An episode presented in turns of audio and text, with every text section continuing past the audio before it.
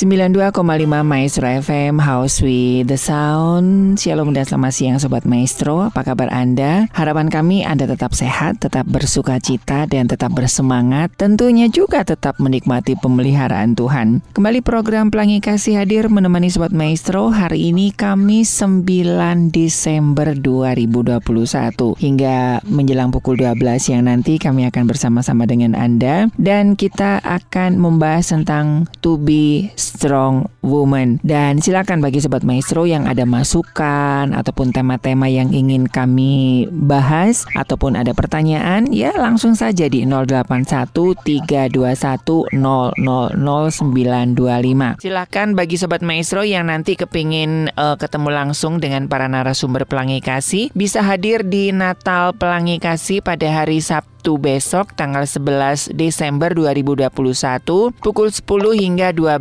siang bertempat di Radio Maestro Jalan Kaca Piring 12 Bandung. Acara ini tidak dipungut biaya begitu ya. Tapi kalau bisa Anda bisa daftar dulu di 081321000925. Nah, dan seperti biasanya saya tidak sendirian, sudah bersama saya Ibu Yohana Rina, Ibu Gembala GBI Cahaya Mulia 2 Bandung Bandung dan juga konselor keluarga. Selamat siang Bu Yohana Rina. Selamat siang Ari, selamat siang Sobat Maestro, salam sehat selalu. Iya, luar biasa ya. Happy wedding anniversary nih. Mumpung belum lupa nih ya. iya, iya. Oke, iya. Tuhan ya, iya. Mm-hmm, iya, kita kita dukung dalam doa ya sobat maestro ya. Kiranya uh, Ibu Yana Rina dan Pak Toto terus bisa menginspirasi dan apa namanya? mengencourage keluarga-keluarga yang ada di Kota Bandung khususnya ya dan di mana pun Siap. Ibu Yana Rina dan Pak Toto melayani. Oke, Ibu Yana Rina, oke, kita masih membahas uh, to be strong woman dan kemarin kita sudah sedikit membahas tentang uh, penghalang-penghalang tentang problem solving begitu. Nah, sebelum kita iya. sebelum kita melanjutkan Ibu Yana Rina, bisa nggak sedikit memberikan uh, apa namanya review ya apa yang sudah kita bahas di dua kemis yang lalu Ibu Yana Rina? Terima kasih Ari, terima kasih sob sobat maestro untuk kesempatannya ya. Kalau dua kali Kamis yang lalu kita kita men, membahas tentang gangguan kecemasan yang sebagai penghalang problem solving. Mm-hmm. Tentu di atas itu semua perlu ada aware, perlu yeah. perlu ada aware tentang diri sendiri sangat bantuan, sangat membutuhkan untuk mengalami grow up, pelepasan dari semua gangguan-gangguan itu sehingga ada problem solving ada jalan keluar dari semua itu. Nah, gangguan kecemasan yang kita diskusikan adalah ada psikosomatis, mm-hmm. gangguan-gangguan, keluhan-keluhan tentang bagian badan-badan yang tidak enak. Ternyata itu bukan karena sakit, tapi karena so- psikosomatis. Mm-hmm. Betul-betul cemas yang sebagai ekspresifnya mengganggu kesehatan tubuh, mengganggu organ-organ yeah. tubuh merasa tidak enak. Seperti misalnya ada yang selalu mengatakan dia sakit mah, padahal dia itu karena kecemasannya yang overload. Mm-hmm. Ada yang mengatakan hipertensi, padahal uh, uh, dia nggak makan asin-asin. Taunya ternyata dia kecemasannya berlebih-lebihan. Sedangkan kecemasan itu sangat mengganggu emosi. Nah, emosi itu menentukan hipertensi kita, menentukan tensi kita. Uh, kalau seseorang gangguan emosinya berlebihan tiap menit pun tensinya nilainya beda. Mm-hmm.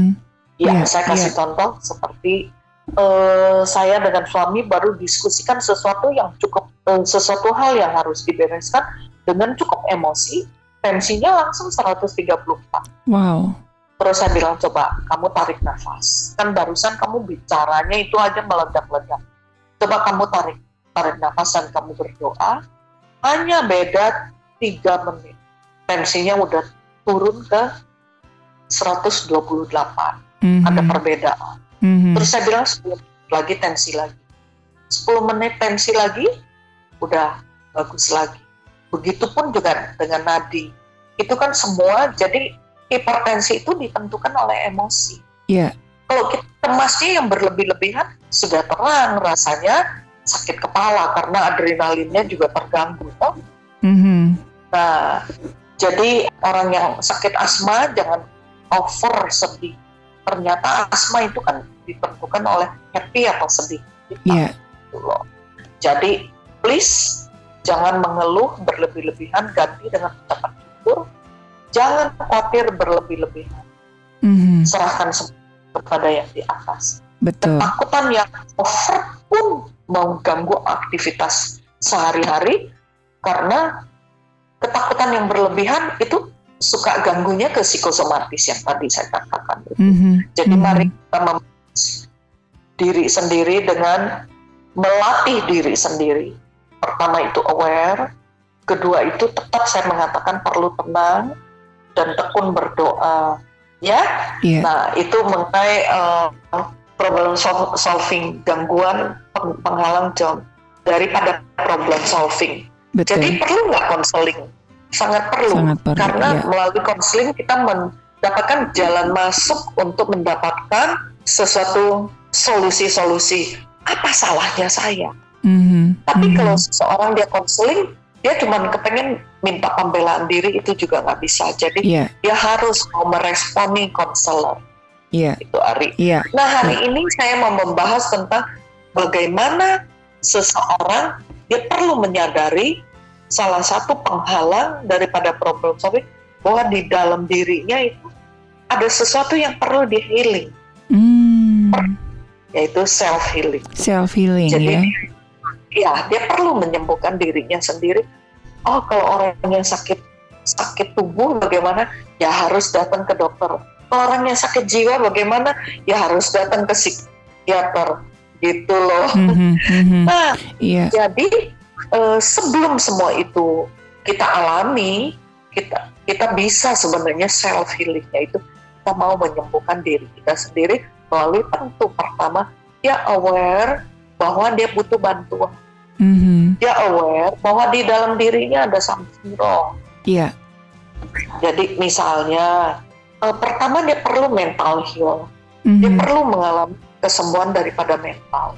Iya. Kalau belum belum sampai schizophrenia dan seperti yang parah-parah begitu, sedikit psikosomatis misalnya, ya dia masih perlu per, bisa menyembuhkan dirinya sendiri dengan misalnya dia perlu bergaul, dia perlu komunitas, dia perlu ada connect-connecting sama teman-temannya, dia perlu ada komunitas itu, dirinya perlu diberi nutrisi, mm-hmm. nutrisi.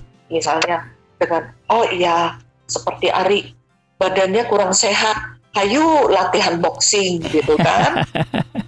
Nah oh, badan perlu vitamin C mm-hmm. oh badan tak sehat selain vitamin C aku perlu fitness mm-hmm. aku perlu boxing aku perlu bertumbuh jadi carilah teman tapi jangan asal asal-asalan iya yeah, iya yeah perlu komunitas itu mm-hmm. yang saya katakan. Oh, mm-hmm. Mm-hmm. Jadi pertama dia perlu mencintai dirinya sendiri, yes. menerima dirinya sendiri. Kalau dia dirinya sendiri dia tidak bisa terima, dia terus mengatakan, aduh aku jelek, aduh memang aku nggak pantas deh bergaul sama. Mm-hmm. Mereka kan semua orang yang oh mereka semua orang yang jenius. Aku memang budak aku memang jelek aku terlalu tinggi aku terlalu kurus aku terlalu gemuk. Ya sampai matahari terbenam dari selatan pun belum dapat komunitas. Jadi dia harus mau menerima dirinya sendiri.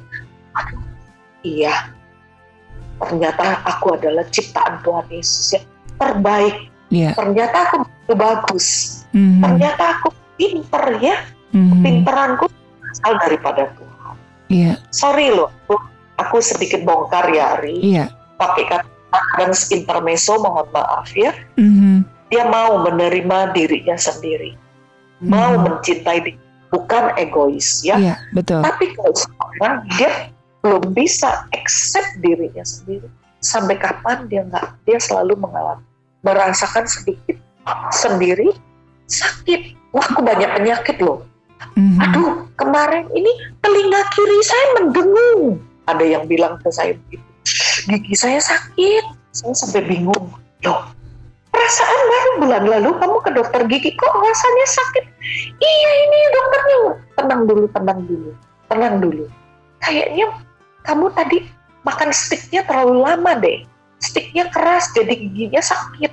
Mm-hmm. Oh iya, lain kali makan stick potongnya yang lebih kecil. Mm-hmm. Ini mendengung itu karena kamu tiap hari terus cotton bud, yeah. terus dikorek-korek. Gak ada kotoran juga dikorek karena kamu kebiasaan. Mm-hmm. Akhirnya perlu. Mm-hmm. Jadi jangan langsung curiga. Oh ini ada yang dukunin, ini aku ada penyakit parah. Mm-hmm. Jadi terus terusan sakit. Nah itu mm-hmm. loh yang dikatakan akhirnya bukan lagi depresi tapi paranoid. Paranoid, betul, betul. Iya. Mm-hmm. Terus uh, selalu curiga orang bicara diri sendiri. Mm-hmm. Akhirnya kapan dia mau terima diri se- sendiri? Mm-hmm. Apalagi jadi strong woman. Iya. Yeah. Nah, pertama itu dia harus bisa menerima accept, self accept, mm-hmm. self accept. Jadi dia bisa menerima diri sendiri, dia mengakui dia perlu uh, dibantu, dia menerima kekurangan dan kelebihan. Mm-hmm. Jadi seseorang dia perlu tahu aku kekurangannya di mana, aku butuh dibantu orang. Yeah. Aku butuh dibantu Ari, baru aku bisa rekaman, mm-hmm. baru aku bisa siaran. Mm-hmm. Jadi yeah. aku nggak bisa jalan sendiri aplikasi. Mm-hmm. Jadi mm-hmm. aku perlu mengakui itu yeah. bahwa aku nggak pintar di media. Aku perlu mediator. Aku perlu orang yang jago media mm-hmm. di media. Nah, aku menerima kekurangan aku, tapi aku juga tahu kelebihan aku. Yes. Aku kelebihanku di mana? Mm-hmm. Mungkin kelebihanku di orang lain nggak ada. Mm-hmm. Itulah yang perlukan untuk membentuk satu tim. Betul. Nah, jadi terus memiliki harga diri itu self accept. Iya. Yeah. Ya. Jadi dia menerima diri sendiri Aku menghargai diriku, kelebihanku, kekuranganku. Aku menerima kalau aku ditegur orang. Aku tidak selamanya selalu yang benar. Pasti aku ada kesalahan. Mm-hmm. Jadi itu orang yang sempurna. Betul. Nah itu jadi kalau dia mengerti self acceptance-nya, dia acceptance-nya itu dia bisa menerima self dan acceptance-nya, dia akan grow up. Hmm. Dia akan menjadi wanita to be a strong woman. Yeah. Wanita yang tangguh, yeah. wanita yang gagah perkasa, Amin. wanita yang memiliki kelebihan dan kekurangan sehingga dia ada tim, dia ada komunitas. Mm-hmm. Yeah. Itu itu yeah. yang pertama, mm-hmm. Ari. Iya, iya. Kemarin Mm-hmm. Iya. Iya. Kemarin saya agak sedikit curi-curi dengar ini Ibu Yohana Rina dan itu sangat mencerahkan buat saya pribadi ya dalam sebuah uh, bukan konferensi ya, jadi kayak obrolan para wanita begitu. Nah, nggak mungkin seorang wanita dan Tuhan kan menciptakan wanita itu sebagai penolong ya Bu ya. Nah, seorang iya, penolong, penolong itu kan, iya, dia nggak akan bisa jadi seorang penolong kalau dia nggak strong. Iya. Nah, jadi hal ini uh, cocok banget dengan apa yang disampaikan Ibu Yohana Rina ini begitu ya. Jadi kita nggak akan pernah bisa memerankan fungsi kita wanita sebagai penolong kalau kita sendiri nggak kuat ya Bu ya. Strong dalam arti kita nggak bisa menerima diri sendiri, nggak memiliki harga diri yang positif, terus parno. Nah, gimana caranya kita bisa nolong suami? Gimana cara nolong anak-anak begitu ya? Kemarin juga ngobrol dengan seorang bapak-bapak yang ketika dia tidak menghiraukan omongan istri, Bu, akhirnya terjebak pada utang-utang-utang. Istri dianggap aksesoris dan dianggap ini aja apa namanya kaset rusak aja gitu. Istrinya sudah bilang bahwa ini nggak mungkin. Radio rombeng. radio rombeng begitu. Padahal kan istri itu kan diciptakan sebagai penolong suami tuh. Nah, ketika istrinya uh, bilang, "Pi, ini nggak logik nih, usaha lu dapat uh, apa namanya income 30%. Oh udahlah diem aja lu wanita tahu apa akhirnya kejeblok itu Ci. Tuh kan wanita diciptakan di keluarga itu sebagai penolong. Nah kadang-kadang kan ini ya strongnya wanita di situ ya kalau wanita.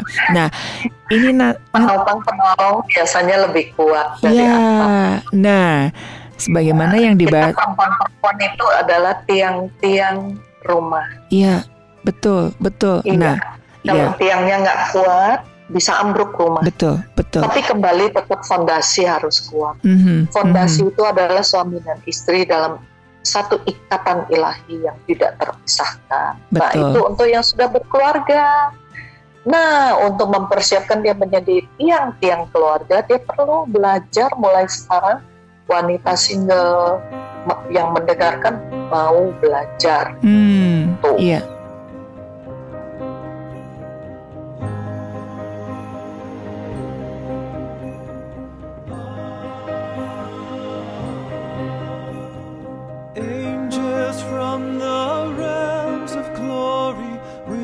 of light o'er all the earth. Ye who sing creation's story, now proclaim Messiah's birth.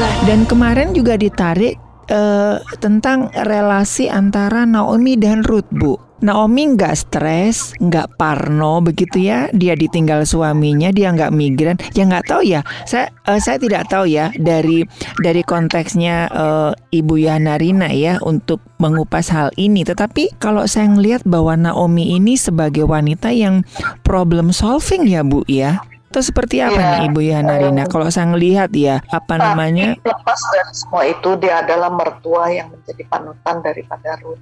Iya, Betul. Iya, betul. Sudah menjadi figur yang figur yang tepat. Jadi di Naomi itu ada kekurangan juga ada kelebihan. Mm -hmm.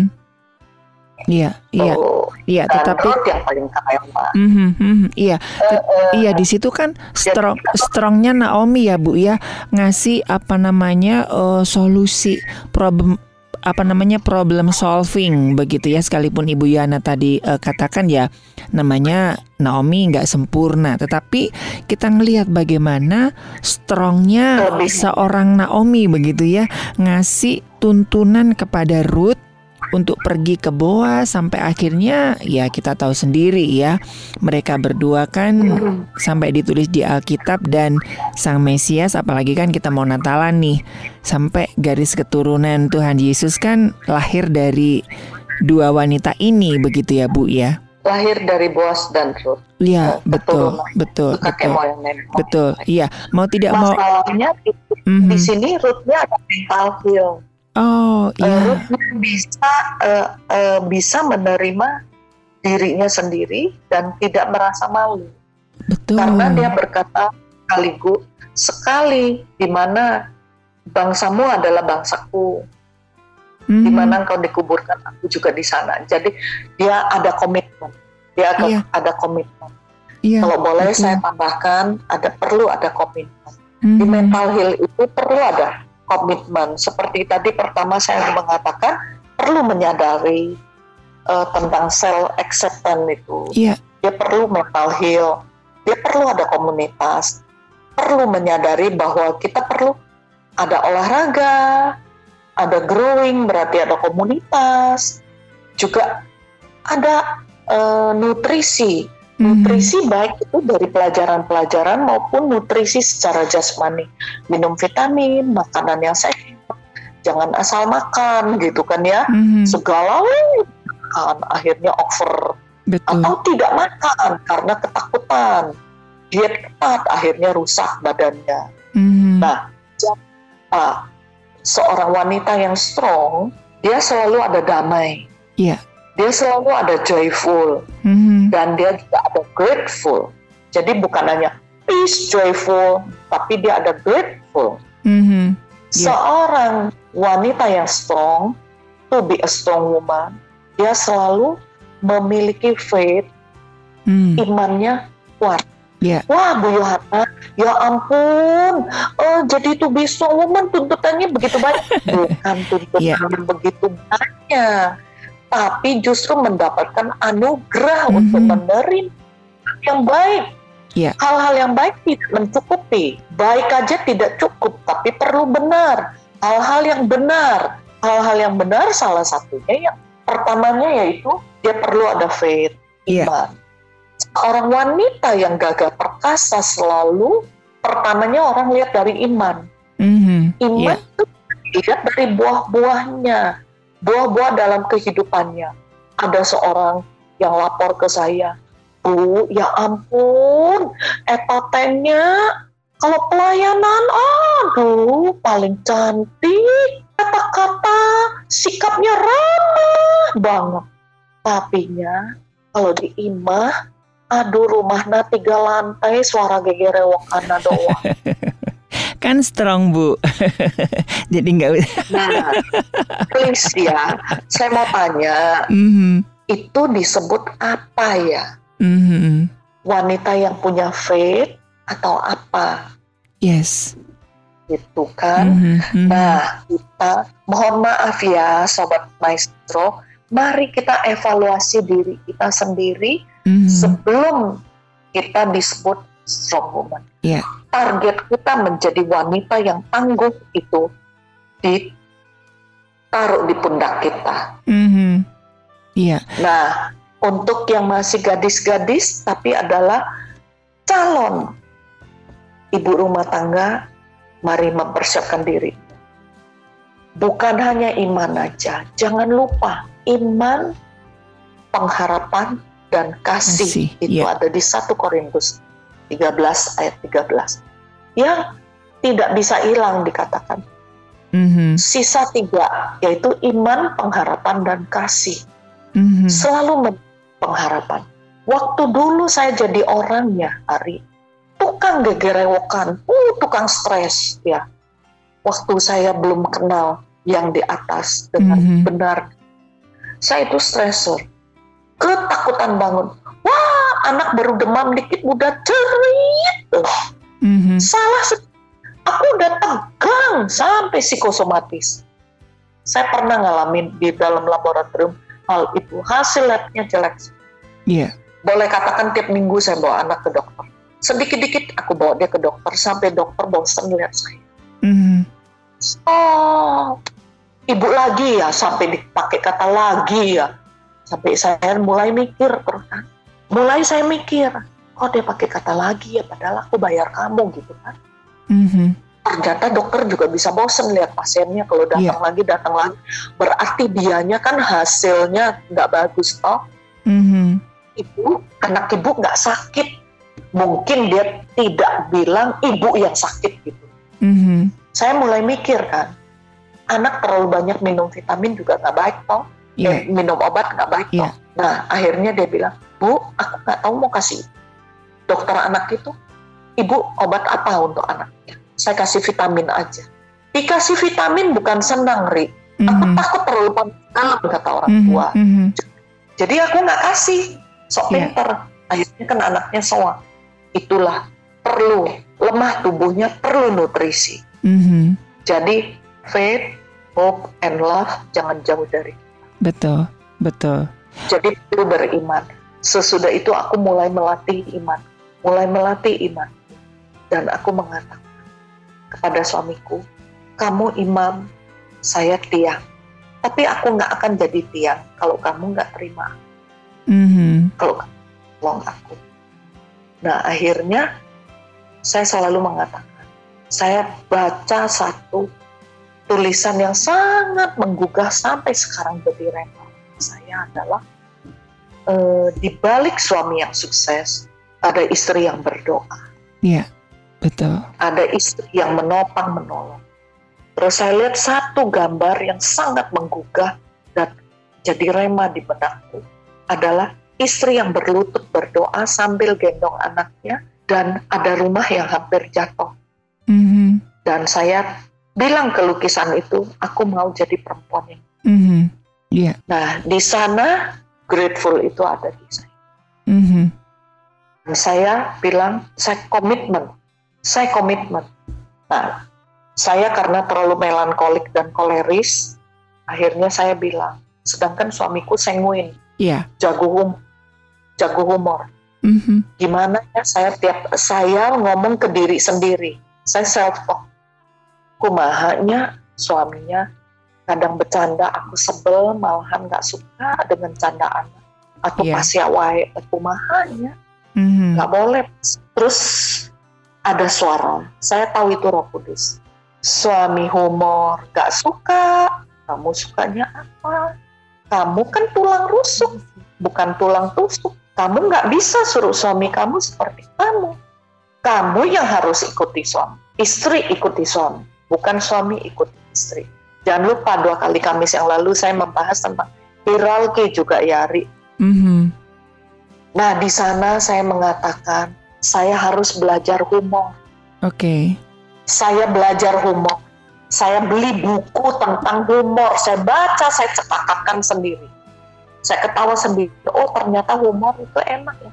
Mhm. Membuat nggak um, Iya. di sana saya mulai belajar bagaimana imbangi kalau suami nyeletuk dua kata tapi itu Mhm. sih gitu loh. Oke. lama-lama saya merasa celetukannya itu menggelikan saya. Kalau dulu saya merasa celetukannya itu nggak lucu. Mhm.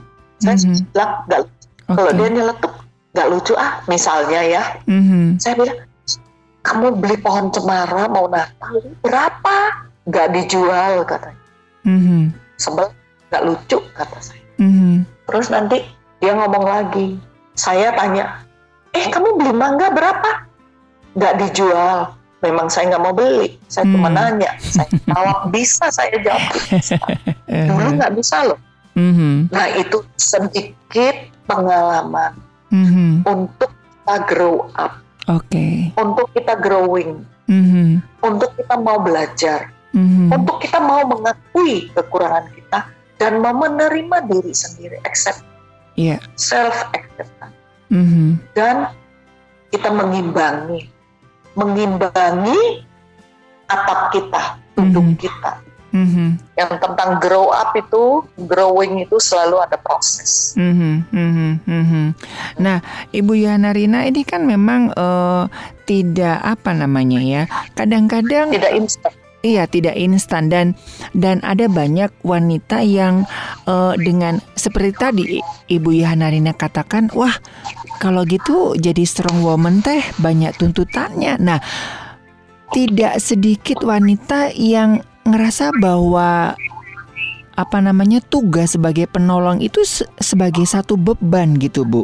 Nah gimana ini Iya. Bu? Nah, kalau kita merasakan itu tugas, tentu adalah beban. Tapi kalau kita merasakan itu adalah eh, kewajiban, kita Mhm, dengan sukacita. mhm. Apalagi kita tahu itu eh, ini adalah kodrat, kita akan Iya. menerima. Nah itu tadi Jadi ini tiga poin jangan dilupa. Hmm, Rasa tugas itu beban. Iya, satu keyword yang saya dapat dari Ibu Yohana Rina bahwa jangan jangan dianggap bahwa eh, ini tugas tapi anugerah. Nah, itu Bu yang kata kuncinya ya sehingga itu Iya. membuat kebanggaan tersendiri begitu ya jadi seorang wanita begitu Bu. Iya. Eh, eh.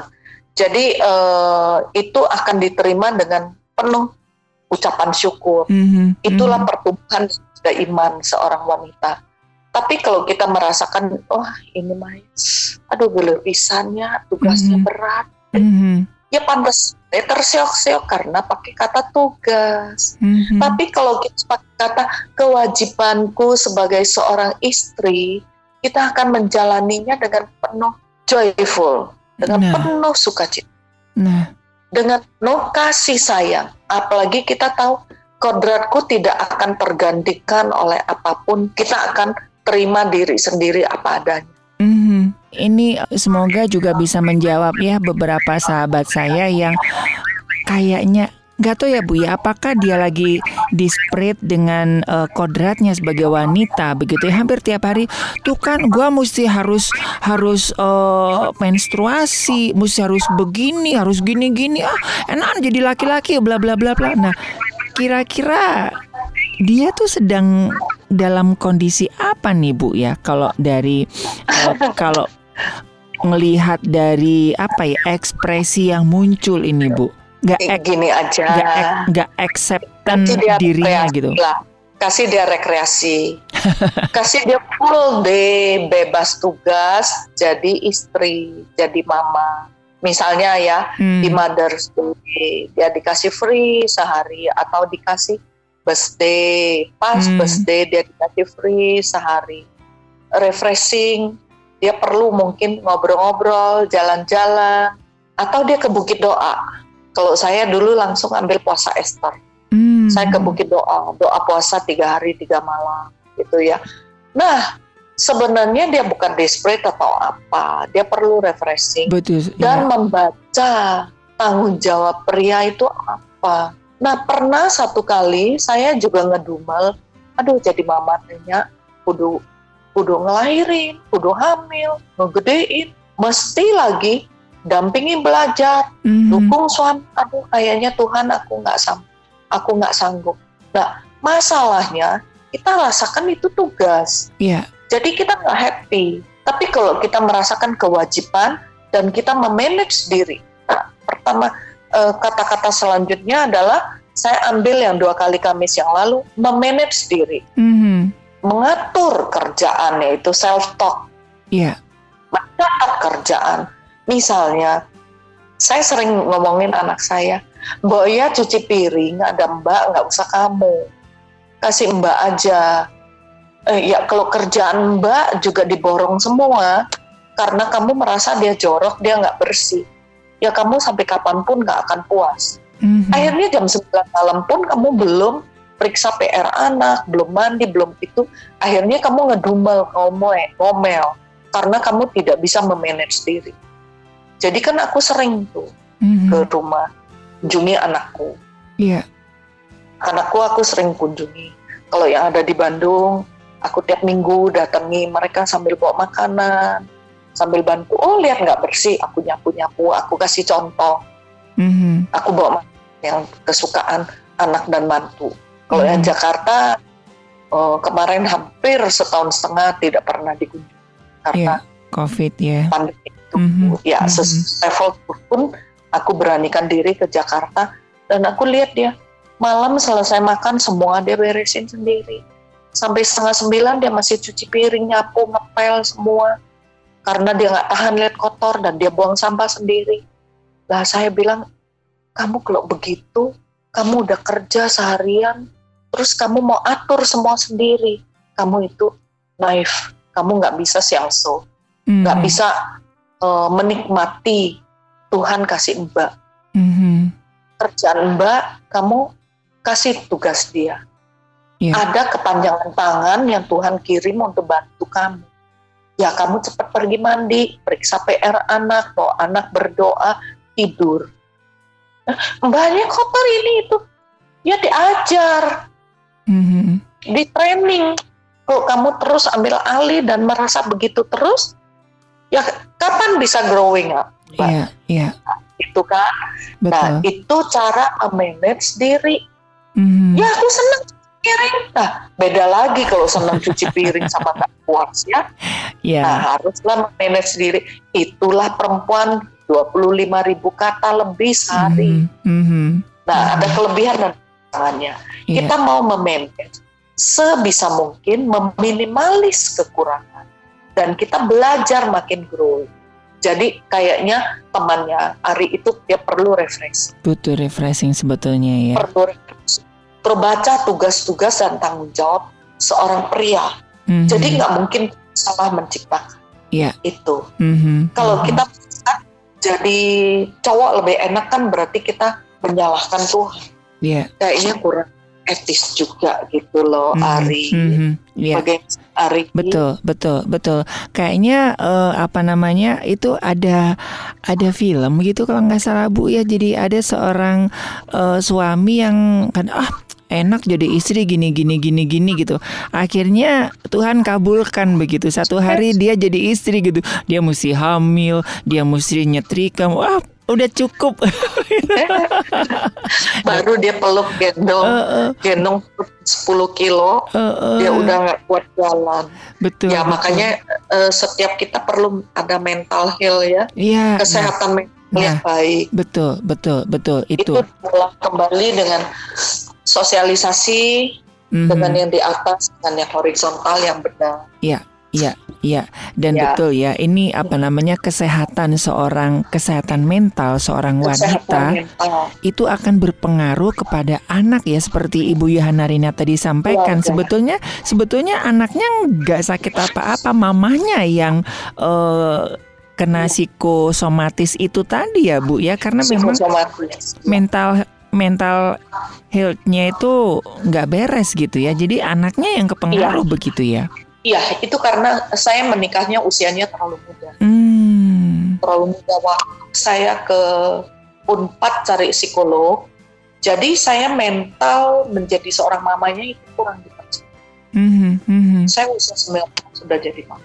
Iya. Jadi uh, belum dipersiapkan sama sekali dan waktu itu saya belum ada mentor apalagi seorang gembala karena saya belum nasrani. Mm -hmm. Jadi saya tegang sendiri. Yeah. Akhirnya saya ambil keputusan saya mesti melalap buku ayah bunda, majalah ayah bunda, mm-hmm. buku psikologi yeah. tentang mendidik anak itu saya mulai baca. Mm-hmm. Untungnya saya ke arah yang baik, ke arah yang benar. Mm-hmm. Ya. Mm-hmm. Nah, Jadi perlu uh, persiapan mental, mental health yang bagus. Betul. Dan sesudah saya memperbaiki, memperbaiki sikap ke anak lebih bijak. Mm-hmm. Sikap ke suami juga makin baik. Dan saya mulai menaruh diri sendiri sebagai saya harus menjadi wanita yang baik. Saya harus mendukung suami saya menjadi seorang pria yang sukses. Karena di balik seorang pria yang sukses ada istri yang berdoa. Mm-hmm. Nah itu saya pegang terus sampai saat ini. Maybe seterusnya. Iya, iya. Betul, betul, gitu. betul, betul. Jadi uh, saya sedikit memberikan uh, garis besar ya bahwa uh, untuk menjadi seorang wanita yang kuat diawali dengan kita bisa menerima diri sendiri, memiliki harga diri yang sehat, terus juga memiliki iya. kesehatan mental yang uh, positif begitu ya. Baru kita bisa menjadi strong woman ya Bu ya. Betul, dan mengakui, mengakui, mengakui diri iya, sendiri iya, butuh iya. aware, aware, kesadaran, hmm. awareness ya. Nah, jadi uh, nutrisi-nutrisi kehidupan jangan dilupakan. Mm -hmm. Mm -hmm. Jadi harus sehat jasmani, sehat rohani, sehat tentu jiwani yaitu mental ya. Iya, iya. Iya. Nah, terus apakah komunitas ini juga bisa membantu, Bu? Komunitas yang baik sangat membantu. Sangat membantu ya. Iya. Mm-hmm. Kecuali kita dapat komunitas yang tidak baik. Mm-hmm. Dan mm-hmm. jangan salah, pergaulan yang sesat merusak kebiasaan. Iya, iya. Mm-hmm. Iya. Oke, okay, iya. Aduh, nggak kerasa nih sudah hampir satu jam kita ngobrol-ngobrol begitu ya. Dan oke, oke, okay, Ibu ya. Yanarina mungkin ada yang bisa kita simpulkan Bu dari apa yang kita perbincangkan ya. siang hari ini mungkin Bu Yanarina. Closing statementnya yaitu saat saat ini kan pandemi, apalagi mm-hmm. begitu banyak bencana alam kiri kanan yang yeah. mengerikan, yang mendukakan hati kita. Banyak sekali terganggu emosi kita banyak sekali juga uh, terefek kepada mental kita. Kita perlu ada aware, kita perlu ada mau ambil komitmen untuk merealisasikan apa yang mendukung kita menjadi wanita yang tangguh, mm-hmm. yaitu mulai dari self acceptance, mm-hmm. mengakui, terima kelebihan dan kekurangan kita, bahwa kita butuh bantuan orang lain kita yeah. butuh komunitas. Mm-hmm. Dan jangan lupa selalu bersuka cita. Yes. Ada peaceful, mm-hmm. ada joyful, ada grateful, dan jangan lupa faith, hope, dan love. And love, oke. Okay. Tentu tidak lupa juga memakai lutut. Mm-hmm. Saya kita akan menghadapi ke depan ke depannya tentang kondisi cuaca, kondisi pandemi, kondisi varian virus yang makin aneh-aneh dengan lebih tangguh. Khususnya dalam realisasi kehidupan terapan sehari-hari, menghadapi suami, menghadapi anak, menghadapi orang. Mm-hmm. Menghadapi kehidupan ini lebih tangguh. Yeah. Sukses menjadi wanita yang Amin, amin. Iya, saya ingat salah satu ko apa namanya quote seorang wanita, Bu. Seorang laki-laki kuat dengan ototnya, seorang wanita kuat dengan lututnya. Ya. Ketika wanita berlutut, wah sorga terbuka begitu. Oke, sekali lagi Ibu Yana terima kasih buat ya, siang hari ini dengan ilmunya yang sangat berharga dan sekali lagi happy wedding anniversary. Uh, iya, terima kasih. Oke. Okay. Terima kasih juga Sobat Maestro sudah setia mendengarkan Pelangi Kasih. Niscaya Pelangi Kasih akan memberi satu pertumbuhan amin, yang luar biasa. Amin. Amin. Selamat menjadi wanita yang baik. Amin. Tuhan amin. Amin. Oke. Okay. Shalom. Shalom. Oke. Okay. Silakan bagi sobat maestro yang nanti kepingin uh, ketemu langsung dengan para narasumber Pelangi Kasih bisa hadir di Natal Pelangi Kasih pada hari Sabtu besok tanggal 11 Desember 2021 pukul 10 hingga 12 siang bertempat di Radio Maestro Jalan Kaca Piring 12 Bandung. Acara ini tidak dipungut biaya begitu ya. Tapi kalau bisa Anda bisa daftar dulu di 081 321 0 Baik Sobat Maestro dari Gerah Maestro Jalan Kaca Piring 12 Bandung. Saya Ari dan juga rekan Stefanus Tentunya juga bersama Ibu Yohana Rina Ibu Gembala GBI Cahaya Mulia 2 Bandung Dan juga konselor keluarga Mengundurkan diri dari program Pelangi Kasih. Kita ketemu lagi di program Pelangi Kasih esok hari ya di spesial weekend. Selamat siang tetap jaga protokol kesehatan dan Tuhan memberkati.